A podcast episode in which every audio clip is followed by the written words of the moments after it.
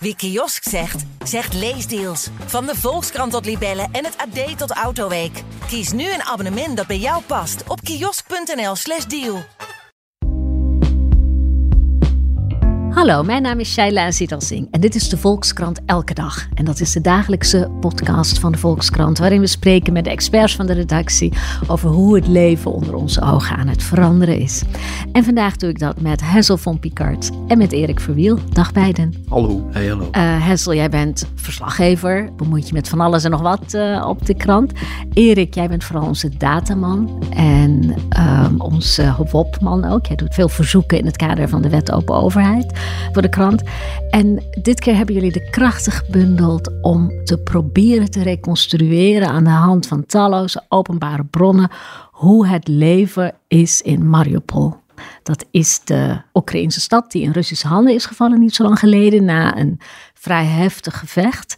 En jullie hebben nu duizenden beelden bekeken, met inwoners gesproken en een, nou, ik mag zeggen, hele mooie reconstructie gemaakt.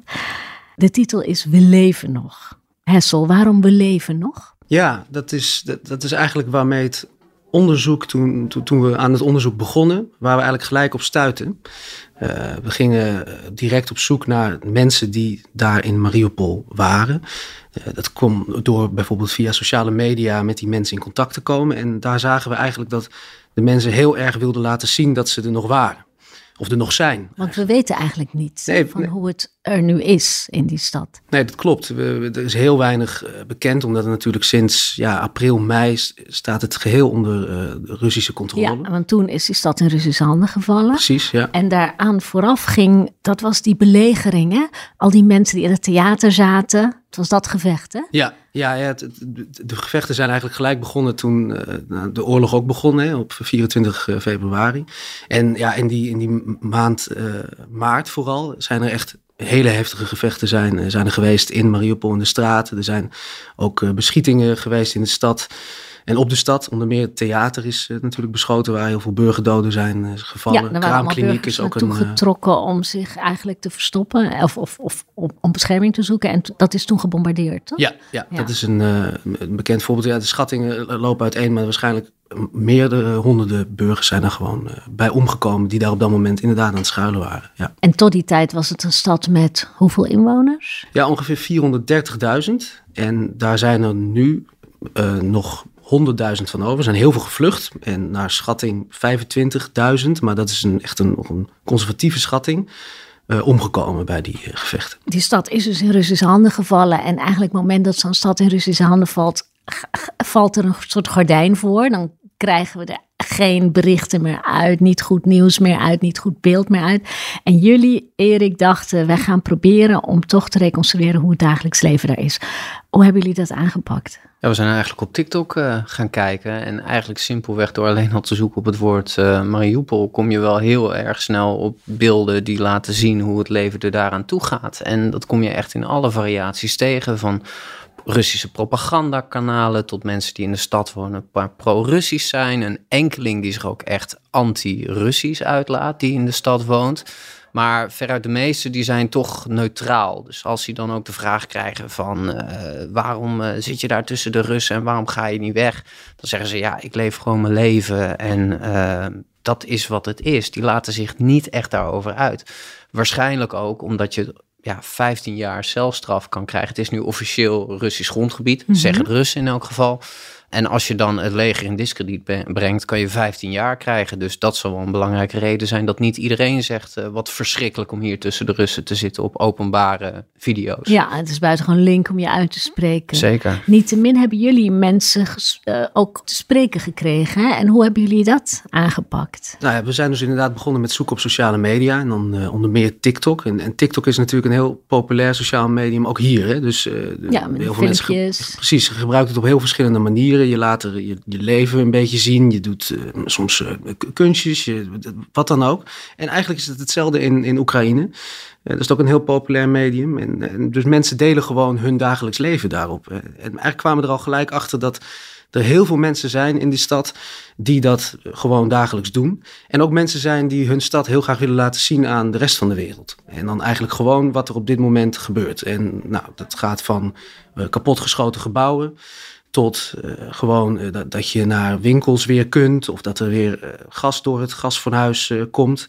Ehm, en op die manier houden ze familie, vrienden die ook naar andere plekken zijn. Want heel veel mensen zijn natuurlijk, die hebben hun familie zien vertrekken tijdens de oorlog. Hè. Die zijn gevlucht naar Europa, naar Oekraïne, soms ook naar Rusland. En die houden ze op de hoogte via dat medium eigenlijk. En nou ja, goed, op die manier konden wij daar ook gebruik van maken. Om een beeld te krijgen van die stad, van die bezette stad. Het is wel heel onwerkelijk om te zien dat voor de oorlog is iemand al video's aan het maken van cosmetica en dat nieuwe cosmetica uitpakt en hoe je dat dan uh, nou ja, gebruikt. En dan ergens in maart, april zie je ineens een schakeling naar uh, kapotte gebouwen die op datzelfde account gefilmd worden. En iemand die dan een unboxing video maakt van een humanitair hulppakket dat uitgepakt wordt. Het is heel onwerkelijk om daar zo uh, mee te kunnen kijken. Hoe drastisch die levens zijn veranderd, hè? krijg je dan eigenlijk in één beeld. En hoeveel beelden heb jij bekeken, Erik? Ja, in totaal een stuk, uh, stuk of 2000. 15 uur aan beeldmateriaal. Dat heb ik niet aaneengesloten gedaan. over een paar dagen verdeeld. Maar je komt ook heel veel van dezelfde beelden tegen. Hè? Eh, dus beelden van kapotte gebouwen. Uh, beelden van mensen die in een comment zeggen van... hé, hey, kan je daar naartoe? En dan gaat iemand inderdaad dat gebouw filmen. Dus het zijn echt bepaalde categorieën video's. Nou ja, informeel hebben die video's waarin... ga naar dat gebouw, noem, noem ik ondertussen de verzoeknummers. Want ja, dat vragen mensen gewoon. Maar daar hebben we wel allemaal doorheen gekeken, omdat uh, zeker met dit soort onderzoek, je wil wel zeker weten dat iemand uit die stad komt en dat hij een kapot gebouw laat zien, uh, wat daar ook daadwerkelijk uh, zich bevindt. Dus dat moet je wel allemaal bekijken en checken. Ja, want hoe verifieer je dat? Hoe weet je dat het beelden zijn die echt uit die stad komen? Ja, daar helpt satellietbeelden heel erg bij. Uh, want satellietbeelden die liegen niet. Ze kunnen wel vertekenen. Als het net in de verkeerde hoek genomen is, kan iets wegvallen uiteraard in schaduw. Maar satellietbeelden zijn gewoon objectieve opnames van zo'n stad. En die worden niet door de Russen verspreid. Die worden gewoon door bedrijven gemaakt uh, nou ja, op uh, kilometers hoogte. En aan de hand daarvan, en ook in combinatie met Google Street View, die dan net in die stad niet werkt, maar wel in Yandex nog uit 2012 beelden zijn gemaakt. Dat de Russische zoekmachine Yandex. Kun je toch kijken van, oh, dat is inderdaad dat gebouw bij dat parkje. En dat, kan je dus het allemaal verifiëren. op straatniveau kun je eigenlijk reconstrueren wat je ziet op die filmpjes. Ja, ondertussen begin je echt wijken te herkennen. En oh, dat is dat parkje. En uh, ja, onze collega's uh, Titus Knechtel en Joris Heijkan... die hebben ook heel erg uh, gezocht met die satellietbeelden... en ook naast elkaar gelegd. Want we hebben ook gecontroleerd hoeveel procent van de gebouwen zijn kapot. Nou, kwamen we uit op 2610. Ik heb er nog even opgeschreven. Aan een aantal gebouwen wat kapot is van de 7105 die er in het centrum van die stad staan. Dus ongeveer een derde, iets meer dan dat. Dus dat wilden we ook wel in kaart brengen. Dat is een enorme verwoesting die stad is echt uh, met de, aardig met de grond gelijk gemaakt. Ja. ja. En daarnaast heb je, hebben jullie ook gesprekken gevoerd met mensen. Hoe heb je die achterhaald? Je gaat dus kijken naar de video's die ze posten. En het liefst ben je op zoek naar iemand die gewoon dagelijks uh, het beeld van die stad laat zien. Dan benader je ze uh, om te kijken of ze willen praten. En natuurlijk zijn heel veel mensen niet bereid om te praten. Want nou goed, er is een risico om met westerse journalisten te spreken. Ja, ja want je had het over 15 jaar gevangenisstraf, zei je dat nou? Nou ja, goed, Dat, dat is als je dan uh, het, het Russisch leger uh, in discrediet brengt. Ja. Um, en nou goed, dat, dat, dat, doen sommige mensen door bepaalde uitspraken te doen, Precies. uiteraard. Dat was nog best moeilijk om mensen uiteindelijk uh, te spreken te krijgen. Uiteindelijk hebben we met acht mensen gesproken, waarvan met vier echt heel uitgebreid en echt lang. En dan heb je het over lange chatgesprekken met elkaar. Ja, want als je zegt spreken, dan bedoel je via de chat. Ja, ja, ja. en dat heeft meerdere redenen. Onder meer omdat de verbinding in die stad gewoon nog steeds niet goed is. je kunt dus moeilijk met elkaar videobellen. Bellen is ook überhaupt lastig. Je weet ook niet wat de risico's zijn voor het onderscheppen van gesprekken. Dus een chatdienst, en dan vooral versleutelde chatdiensten, zijn vaak uh, wel betrouwbaar. Mm -hmm. En je probeert het zoveel mogelijk natuurlijk uh, op een goede manier uh, te doen. En, en ja, en die chatgesprekken die kun je tegenwoordig heel goed vertalen met elkaar. Het gaat in het, in het Russisch en het Oekraïens gingen die chatgesprekken. de mensen zelf spreken eigenlijk geen Engels, kunnen het ook vaak niet lezen of schrijven waarmee we in ieder geval nu hebben gesproken dat haal je gewoon door, een, ja, door de vertaalmachine. Um, en dat zijn betrouwbare vertalingen. Dat leidt niet tot misverstanden of raar Dat leidt soms, soms tot misverstanden. en dan moet je het een paar keer vertalen en op zoek gaan naar verschillende vertalingen. Mm -hmm. uh, we hebben hier op de redactie gelukkig ook uh, mensen die heel goed Russisch uh, kunnen lezen. en heel goed Oekraïens kunnen lezen ook. Ehm, die kunnen ook daarin in meehelpen en meelezen.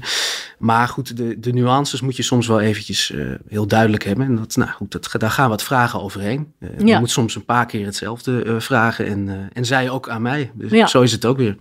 En dus, nou ja, gesprekken, satellietbeelden, TikTok-filmpjes. En dan heb je uiteindelijk iets gereconstrueerd. Hoe is die stad er nu aan toe? En hoe is het dagelijks leven daar? De eerste beeld dus van het leven in die stad was vooral dat mensen wilden laten zien dat ze er dus nog zijn. Want ja. uh, er zijn heel veel berichten natuurlijk dat nou, er zijn heel veel mensen omgekomen. Dat is ook echt zo. Er is veel verwoest. Uh, maar de mensen die daar overleven, of die dat, dat hebben overleefd, of soms ook zijn teruggekeerd, ze leiden gewoon hun leven daar. Um, en dat, dat ziet er ja, heel anders uit dan ons leven uiteraard. Maar het, ja, goed, ze willen gewoon laten zien dat, het op een, ja, dat zij het op zo'n normaal mogelijke manier proberen te doen. Er zijn daar weer supermarkten open, een aantal, dat uh, staatssupermarkten eigenlijk, die de, Russen hebben geopend. Mensen kunnen weer naar de markt. Maar ja, goed, alles tegen het decor van een totaal verwoeste stad. En tegen het decor van lege straten. Want ja, drie vierde van de bevolking is gewoon weg uit die stad. Uh, dus het leven is erg leeg geworden voor veel mensen. Mensen kunnen uh, niet meer met hun vrienden en familie uh, afspreken, want die zijn weg of uh, gedood. Ze hebben ja, dus nauwelijks nog een sociaal leven. Werk is er vaak niet meer, want ja, de meeste sectoren zijn totaal weggevallen. Je, je hebt, ja, noem maar eens iets, verzekeraars die zijn er niet meer. om maar iets te noemen, de scholen zijn verwoest. Dus er kan geen les worden gegeven. Kinderen zitten dus ook vaak thuis. Er wordt niet meer eh, buiten gespeeld. Het is, het is gewoon een totaal desolate stad waar wel zo goed mogelijk wordt geleefd. Tegelijkertijd is het anders, heel erg anders. En tegelijkertijd blijven ook een aantal dingen hetzelfde. Uh, jonge vrouwen die in Amsterdam TikTok-filmpjes maken. Ja, je hebt ook jonge vrouwen in Mariupol die TikTok-filmpjes maken. Die nog steeds een dansvideo opnemen op het prachtige strand ja. van die stad. Die uh, uh, nou ja, rondlopen in de stad. die ook gewoon leven. En dat is ook echt wel een rode draad door bijna alle filmpjes die we gezien hebben. Iedereen benadrukt. Ja, Mariupol, dode stad. al, al die beelden die wij, verschrikkelijke beelden die we ook voorbij ja. hebben zien komen. Ja, die mensen, ja, we zijn niet dood, we leven nog. We leven, we zijn er. Ja, ja. En denk aan ons ook. Dat is het eigenlijk ook, zit daar ook in. Hè? Ja. Van, uh, ja, hou er rekening mee, we zijn, we zijn er in ieder we geval nog, nog. Uh, Oekraïne en, en, en, en, misschien ook wel de rest van, van de wereld waar het aan is gericht. Ja. Hey, en die mensen die daar wonen, kunnen die weg of willen die niet weg? Waarom blijven die? Nou, er zijn mogelijkheden geweest natuurlijk om weg te komen helemaal aan het begin van die oorlog. Mm -hmm. uh, toen zijn dus ook de meeste mensen uh, vertrokken. Uh, en op een gegeven moment is die stad omsingeld al heel snel en kon eigenlijk niemand meer gemakkelijk weg. Kon alleen nog met humanitaire ja, konvooien eigenlijk weer, ja. kon je die stad verlaten. En sindsdien, ja, toen de belegering echt ten einde was, zou je wel weg kunnen. Maar dan is eigenlijk de enige uitweg is, is Rusland. Want het is Russisch uh, gebied. Je kan nu. niet naar Oekraïne toe. Je kunt niet zomaar naar, naar Oekraïne toe. Nou ja, het is Oekraïne, een, maar naar wat dan ja. de Russen nog steeds ja. niet bezet Oekraïne. Uh, precies, ja. ja. Dus je kunt niet zomaar naar, het, uh, ja, naar Oekraïne toe. dus je moet via dat, dat, dat Russisch grondgebied. En dat is iets wat veel mensen niet willen. Maar ook heel veel mensen willen niet weg, die zijn achtergebleven. We hebben het natuurlijk over een, over een groep die soms ook echt bewust uh, is achtergebleven. Omdat alles wat ze hebben, uh, dat is daar. Uh, ze zijn er geboren, ze zijn er opgegroeid, hun hele familie zit daar, hun bezittingen ja. zijn er nog. Dat zijn ook redenen om, om natuurlijk niet te vertrekken. Het is, best, het is heel ingrijpend om ergens naartoe te gaan. we hebben bijvoorbeeld ook gesproken dus met mensen die zijn teruggekeerd. Een voorbeeld van een, een vrouw die vertelde, die, die was in, in mei was ze weggegaan. Toen het eigenlijk dus weer veilig was. Via Rusland uiteindelijk beland in, in Europese landen. Ik, ik ga even niet op in op welke landen, want ja, we proberen zo min mogelijk details te, te, benoemen. Maar daar kon ze nauwelijks, uh, nauwelijks aarden in het land. En ja, dat, er werd een andere taal gesproken. Ze kon ook niet zo goed Engels. haar kind moest naar school, dat kon daar ook eigenlijk niet. Dus ze zag totaal geen toekomst voor zich daar. En ja, besloot van, goed, het is verschrikkelijk om terug te keren. Ik word altijd nog herinnerd aan die verschrikkingen in, in, in die stad. Maar ja, daar, heb ik, daar ken ik tenminste nog wel wat mensen. Ik, ik kom daar vandaan. Ik, ik ga daar weer naar terug. En zij is dus echt teruggekeerd. Maar ja, nog steeds zegt ze: het liefst zou ik hier ook niet willen zijn. Eigenlijk heb ik geen plek meer om, om te zijn. Dat ja. is eigenlijk wat ze, wat ze beschrijft. Dus dat, ja, dat is ook iets wat terugkeerders natuurlijk ook allemaal zou achtervolgen. Uh, en zijn er ook mensen die blij zijn met de Russische bezetting? En die zeggen: nou ja, prima, zo hoort het. Dit is de natuurlijke orde der dingen. Ja, die zijn er wel. We hebben ook voldoende uh, TikTok-filmpjes voorbij zien komen. En volgens mij ook wel contact gehad met een aantal van hen. Uh, die zeggen van, uh, kijk eens wat er allemaal opgebouwd wordt. En kijk eens wat voor mooie supermarkten neergezet wordt. En kijk eens hoe het park vernieuwd is. En ja, daartegenover heb je dan weer de enkele TikToker die dan moedig uh, of dapper genoeg is om dan inderdaad zo'n nieuw appartementencomplex te filmen en dan vervolgens de camera te laten draaien naar het verwoeste flat die er tegenover staat. Van ja, dit uitzicht wat je uit die appartementen hebt, dat zie je niet op de Russische tv. Maar er zijn zeker mensen, ja, die, die voelen zich toch. Uh, meer verwant met Rusland dan met Oekraïne. Desondanks dat die stad uh, toch door de Russen flink uh, aangepakt is. Ja, en de Russen zijn ook druk bezig met Russificatie. Wat hebben jullie daarover allemaal gehoord en gezien? Ja, dus eigenlijk um, sinds dat ze die stad hebben veroverd, um, was het, zagen zij het natuurlijk al als Russisch grondgebied. Ja. Uh, en dat is dan voor de Russen in ieder geval, of, zij hebben dat officieel gemaakt door de annexatie. Hè? En nou ja, sindsdien eigenlijk in die periode is het vrij snel gegaan. Er zijn echt alles wat Oekraïens is eigenlijk wordt uit die stad verwijderd, stelselmatig verwijderd. En dat gaat echt zo ver dat de, dat de Russen dus de moeite nemen om terwijl er dus nog allemaal verwoeste gebouwen zijn. En echt, nou goed, het grootste deel van die stad gewoon compleet, compleet verwoest is. Niemand kan er, uh, kan er wonen. Uh, zijn ze bezig met het weghalen van een standbeeld en een nieuw standbeeld te neerzetten. Ja, het, het, het Vrijheidsplein, daar is een standbeeld. Of daar stond eerst een gedenkmonument aan Oekraïnse soldaten. Daar staat nu een standbeeld van Alexander Nevsky, een Russische grootvorst uit de 13e eeuw die tegen West-Europese indringers volgt. Nou, uh, symbolisch. En dat Vrijheidsplein, dat heet tegenwoordig het Leninplein. En de muurschildering die ook in de buurt van het plein staat... van een 15-jarig meisje dat uh, getroffen is... Uh, door volgens mij pro-Russische troepen in 2015, als ik me niet vergis, separatisten. Ze hebben de moeite genomen om dat allemaal uh, weg te schilderen en daar een banier op te hangen die uh, de zusterstad Sint-Petersburg, die nu met Mariupol verbonden is, in het zonnetje te zetten. Ja, we waren er wel toen we dat zagen heel erg verbaasd over dat de Russen inderdaad zoveel moeite steken in het Russisch maken van zo'n stad, heel veel tijd en energie in steken, terwijl er nog zoveel daar kapot is en waar je beter je ja. energie in kan steken. En waar denk ik bewoners ook oprecht wat meer geïnteresseerd in zijn dan uh, het verwijderen van zo'n muurschildering. Maar tegelijkertijd zie je dat ook in filmpjes terugkeren. Het is een iconisch beeld. En dan zeggen mensen, ja, het is een schande dat dit weggehaald wordt. En waar, waar is onze geliefde Milana naartoe? Dat is de naam van het meisje ja, op die muurschildering. Was, ja, ja dat, daar verbazen mensen die daar wonen zich ook over. En Oekraïens, mag dat nog worden gesproken of is alles Russisch? Ja, dus de stad was voordat het werd uh, veroverd door de Russen al voor het grootste deel Russisch-talig. Ja. Dit, is, dit is een, stad die dicht bij Rusland ligt, wat natuurlijk ook uh, nou ja, vroeger uh, Sovjet-Unie Russisch is, is geweest. Um, dus het grootste deel van de bevolking sprak al eh, Russisch. En dat, dat wordt dus nu ook eigenlijk de, de voertaal. Ik, ik, je kunt denk ik nog best Oekraïens spreken, maar het is niet meer geaccepteerd als de de taal daar, uh, zeker ook niet op de, bij de overheid uiteraard. Maar ook op scholen, daar wordt nu in het Russisch lesgegeven. Uh, leerlingen leren het Russisch volkslied op school. Hè. En dan heb ik het over de scholen die weer open zijn, ja. want de meeste zijn nog niet, nog niet open. Dus ja, het lespakket is helemaal aangepast op het, het Russische curriculum, wat nou goed in, in het echte Rusland, zeg maar, het Russisch grondgebied geldt. Ja, kun, kun je dat gedwongen assimilatie noemen? Ja, dat kun, zo kun je dat wel noemen. Het is een culturele uh, component die wordt geheel ja, verwijderd eigenlijk uit, uh, uit de stad. Hè. Dus, culturele uh, zuivering. ja, dat, zo zou je het wel kunnen noemen. Ja, en kinderen worden ook door adoptie weggevoerd naar Rusland. Hè? Oekraïne beschuldigt Rusland daarvan. Wij, wij, hebben dat zelf niet, geen voorbeelden kunnen vinden daarvan. We hebben wel kunnen vinden dat ook in Rusland wordt gesproken over adoptie van kinderen uit, uit Mariupol. Mm -hmm. Dat weten we niet of dat dan gedwongen adopties zijn. Maar dat is wel iets waar Rusland van wordt beschuldigd.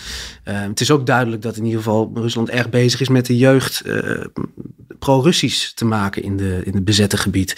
En dan moet je bijvoorbeeld denken aan een, een ja, al dan niet verplichte schoolreis naar de nieuwe zusterstad Sint-Petersburg. Uh, waar we ook beelden van hebben gevonden dat ze terugkeren in, in bussen met allemaal de, nou goed, de, de Russische driekleur op de zijkant.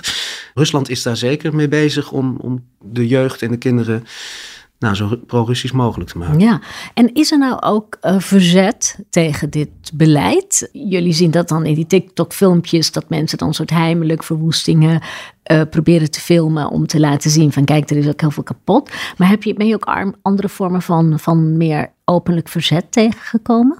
Ja, het is meer bijna symbolisch verzet, mm denk ik, dan dat het daadwerkelijk is uh, dat er, weet ik het, bomaanslagen op de Russische autoriteiten daar waar, op het gebouw waar ze zitten worden gepleegd. We hebben meerdere berichten gezien dat uh, de vlag op het Vrijheidsplein, de Russische driekleur hangt daar nu, dat die weggehaald is. Dus dat is dan toch, nou ja, middle of the night, dan... Ja zo'n vlag verwijderen. Je ziet dat er Oekraïense, pro-Oekraïnse graffiti verschijnt. Je ziet dat mensen heimelijk foto's maken met de Oekraïense blauw-geel in de verwoeste straten van die stad. Maar het blijft toch vooral bij het symbolische hangen, toch? Ja, we hebben geen voorbeelden van georganiseerd verzet kunnen vinden. Maar dat, daar is ook op zich wel een logische verklaring voor. Nou, allereerst natuurlijk is die stad gewoon helemaal kapot gemaakt. En dan moet je je ook voorstellen dat de bevolking kapot is gemaakt. Ja die mensen zijn maandenlang hebben ze, in, hebben ze moeite gehad met overleven. Ze, ze konden geen, geen drinkwater krijgen. Ze konden, hadden geen elektriciteit. Ze hadden ook geen contact met de buitenwereld. Dus de meeste mensen zijn gewoon bezig met overleven. Eh, zo moet je dat ook, ook voorstellen. En daarnaast heb je natuurlijk ook nog eens dat de Russen repressiemaatregelen nemen. En dan moet je vooral denken aan dat de mensen worden gecontroleerd op bijvoorbeeld Oekraïnse sympathieën. Dus alles wat met Oekraïne te maken kan hebben, ook al is het een heel klein beetje verzet, dat kan al op, uh, op fikse ja, bestraffing. Uh... Ja, want de term filtraties noemen jullie ergens uh, in het artikel. Dat is een, een manier om te achterhalen hoe pro-Oekraïns iemand is. Hè? Ja, het, het, is al wel langer bekend dat Rusland daar eh, mee bezig is in bezette gebieden. En dan moet je bijvoorbeeld denken aan een soort screening van eigenlijk iedere burger. Eerst begon dat bij de checkpoints, bij de controleposten aan de randen van de stad. En ook bij andere, in ander bezet gebied gebeurde dat. Dan werden mensen, nou, hun mobiel werd gewoon afgepakt om te kijken wat ze hadden geliked op, uh, nou, op Facebook of op, op andere sociale media, staat daar toevallig iets van de Oekraïnse strijdkrachten bij. Nou, dan kan het zomaar zijn dat je de toegang wordt ontzegd of, of erger, dat je wordt meegenomen. En later, ook vrij snel eigenlijk in, in, in, in deze stad, gebeurde het ook al met dat burgers verplicht naar de kantoors moesten komen om zich te, ja, te laten controleren, om die screening te doorlopen. En dan moet je je telefoon laten zien, papieren, dat soort dingen? Ja, dan, moet je te, dan moet moeten mensen hun telefoon laten zien. Ze moeten soms hun bankrekening laten zien. Ze moeten vragen beantwoorden over nou, waar, de, waar hun sympathie ligt. Bijvoorbeeld wat ze van de speciale militaire operaties, zoals Rusland de oorlog in, in Oekraïne noemt, wat ze daarvan vinden. En bijvoorbeeld één iemand waarmee we spraken, die vertelde dat ze zelf die uh, screening wel doorkwam. Maar dat een, een, een, man die ook ongeveer gelijktijdig in een ander kantoortje zat, uh, met een kapot gezicht naar buiten kwam, omdat hij sprak over de oorlog in Oekraïne in plaats van de speciale militaire operatie. Op al dat soort eh, punten letten de Russen bij, dat, bij die screening. En ze proberen op die manier zoveel mogelijk mensen ja, eruit te filteren die een bedreiging kunnen vormen. Um, en mogelijk, ja, wat, wat ze daarmee doen, dat is dan de vraag: houden ze die extra in de gaten? Of uh, sommige, er zijn voorbeelden uit andere steden, bezette steden, waar mensen zijn uh, meegevoerd en meegenomen naar Rusland. Daar hebben we hier geen voorbeelden van gevonden. Maar het is natuurlijk niet uit te sluiten. Ik bedoel, we, kunnen niet, uh, we hebben nu natuurlijk niet het beste zicht op, uh, op, op de op, op iedereen in die stad. en op, die, op de omvang van die repressie. Ja. Nee, precies. Het is niet uit te sluiten dat dat ook, uh, ook hier gebeurt. Plus dat mensen ook nog de vernedering hebben dat ze zich soms moeten ontkleden om te laten zien of ze pro-Oekraïnse tatoeages hebben. Dus het is best een, een invasieve gebeurtenis. En nog een ander detail, uh, uh, mensen willen ook zelf door die filtratie heen. Hè? Omdat je anders onderworpen wordt aan spontane controles op straat. Dus je wil eigenlijk zelf ook door zo'n filtratie heen, want dan krijg je een bewijs. Dan kan je vrij bewegen in de stad. Want anders moet je elke keer ja, door zo'n ja, dan heb je zo'n stempel van goedkeuring. Ja. En dan heb je iets meer bewegingsvrijheid. Dan ben je er maar vanaf, ja. ja. Hey, en tot slot, uh, mannen, wat is de toekomst van Mariupol? En de mensen die zullen waarschijnlijk ook wel gehoord hebben dat Gerson bevrijd is. En dat de mensen daar weer in vrijheid kunnen leven. En die zullen rijkhalsend uitkijken naar het moment naar een nieuw offensief van Oekraïne, totdat zij ook bevrijd zullen worden. Ja, en tegelijkertijd zijn ze denk ik heel realistisch en zien ze dat het binnenkort niet gaat gebeuren. Het ligt heel ver, relatief ver van het front hè, natuurlijk, de, de, de stad. Die, dus ja, de zit, het zit er niet snel in dat, die, dat, dat er een bevrijding van Oekraïne aankomt. En, en dat is ook dus de reden dat de meeste mensen zich ja, zo goed als het gaat aanpassen aan, uh, aan hoe, het, uh, hoe het daar is. En dus proberen door te leven. Dank beiden. Uh, graag gedaan. Graag gedaan. En u luisteraar, ook heel erg veel dank voor het luisteren. Dit was de Volkskrant Elke Dag. Morgen is er weer een nieuwe. Tot dan. Wie kiosk zegt, zegt leesdeals. Van de Volkskrant tot Libellen en het AD tot Autoweek. Kies nu een abonnement dat bij jou past op kiosk.nl/slash deal.